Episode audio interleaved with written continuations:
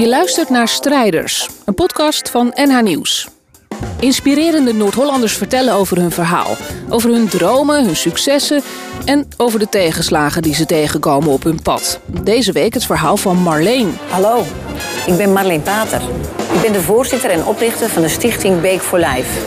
Wij bieden mensen in de derde wereld kans op een goed bestaan middels het bouwen van bakkerijen. Mooi om te doen. We zijn in het Kennemer Theater en Marleen heeft iets meegenomen voor haar verhaal. Het is een brood. Casino Wit. Luister naar Marleens verhaal. De stichting Bake for Life bouwt bakkerijen in Afrika. Daar werken mensen, zoals dat mooi heet in Nederland, met afstand tot de arbeidsmarkt in ons land. Het casinobrood heeft voor die, het bakken van dat brood heeft voor die mensen een enorme verandering in hun leven meegemaakt.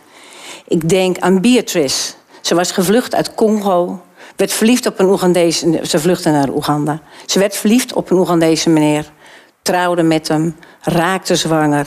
De man overleed, ze belandde op straat, kreeg een tweeling. En via omwegen kwam ze in de bakkerij terecht, kreeg een salaris, kon een huisje kopen. Kinderen gaan nu naar school. Prachtig verhaal. Ik denk aan Steve, een jongen die niet kan lopen. Hij zit op zo'n tricycle, jullie kennen dat vast wel. Hij komt bij ons in de bakkerij, laat zijn fiets buiten zijn. Hij kruipt naar binnen, gaat aan tafel zitten en modelleert kadetjes. Hij heeft een vak, hij heeft een salaris. En zelfs de meisjes in Oeganda kiezen voor een man met perspectief. Steve heeft verkering gekregen, een kreupele jongen heeft verkering gekregen. Hij heeft een huisje, zijn vrouw maakt een lekker potje eten voor hem s'avonds klaar. Wat een geluk.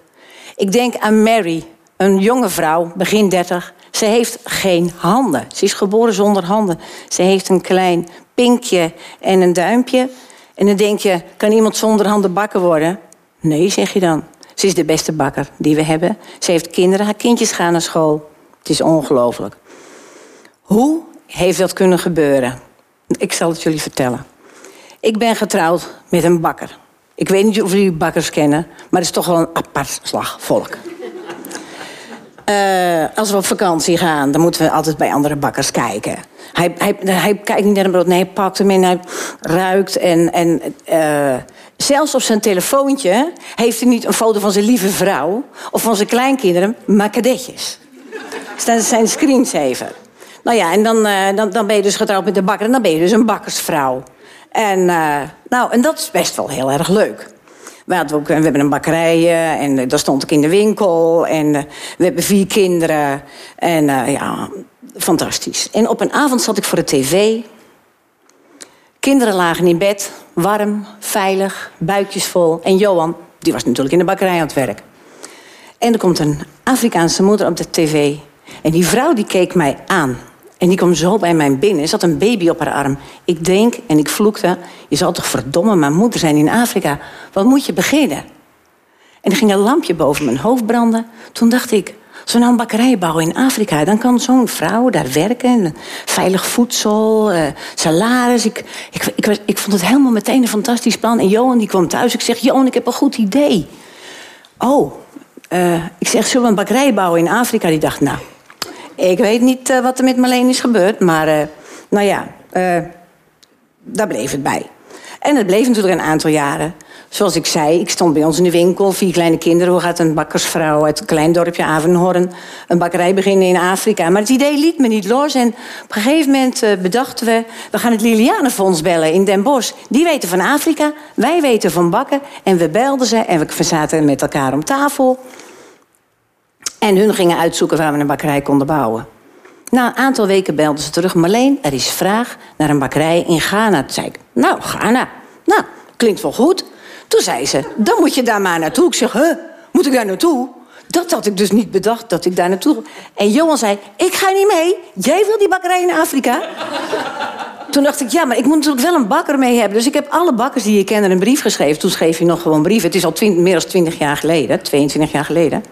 Mannen, wie willen met mij mee naar uh, Ghana om te kijken of we daar een bakkerij kunnen bouwen? Het Lilianenfonds zei overigens nog... als je met ons wil samenwerken, willen wij dat de gehandicapten in die bakkerij komen werken. Ik denk, het vrouw wordt eigenlijk alleen maar mooier. Nou, dan ging ik naar Ghana. Nou, omdat er uh, gehandicapte personeel was, nou, er was personeel genoeg, kan ik je zeggen. Ja, je moet natuurlijk wel geld hebben. Had ik ook nog niet bedacht. Hoe gaan we dan geld inzamelen? Ja, zover had ik ook nog niet gedacht.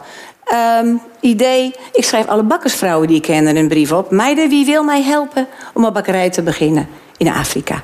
En zo zijn we begonnen met geld inzamelen. En de bakkerij in Ghana was een feit. En het was eigenlijk hartstikke leuk werk. Echt joh, je zag, ik heb daar ramen gelapt in Ghana. Dat vond ik, ja, dat is een klein detail. Met een blinde vrouw, die was de ramen aan het lappen en ze deed hartstikke netjes.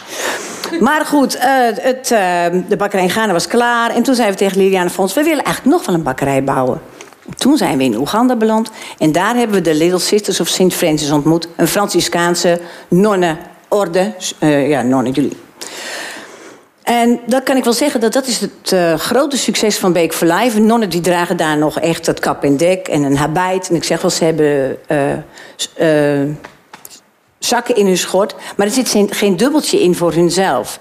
Dus het is een hele betrouwbare partij voor Beek for Life. We hebben inmiddels vier bakkerijen in Oeganda en eentje in Kenia. We hebben een microfinance project ehm, opgericht... We hebben een bakkerschool opgericht. En het is zo ontzettend leuk werk om te doen. Je bent met, met andere mensen ben je aan het helpen. Inmiddels sta ik niet meer in de winkel. Uh, Joon is trouwens nu wel, gaat hij wel vaak mee naar, uh, naar, uh, naar Afrika en helpen. We, hebben, we werken alleen met vrijwilligers. We hebben geen strijkstok. 96% van het geld wat we ophalen gaat naar Afrika. Het is fantastisch om die mensen te zien wat voor een verschil je maakt in hun leven. En daarmee zie je dat, dat de liefde voor het brood van, van wat, wat mijn man heeft, ja, dat heeft hij uh, aan mij overgedragen. En hoe een, een, een simpel brood het leven kan veranderen van honderden mensen. Want we hebben honderden mensen aan het werk. Het werk is niet af. We willen eigenlijk nog groter groeien. Dat is toch wel een beetje Nederlands. Hè? We willen groter groeien. Dat verhaal wil ik met jullie delen. Het is fantastisch om te doen en dank voor jullie aandacht. Dit was het verhaal van Marleen in de serie Strijders van NH Nieuws. Volgende week weer een nieuwe aflevering met weer een mooi verhaal. Moet je je wel even abonneren op deze podcast. Tot dan!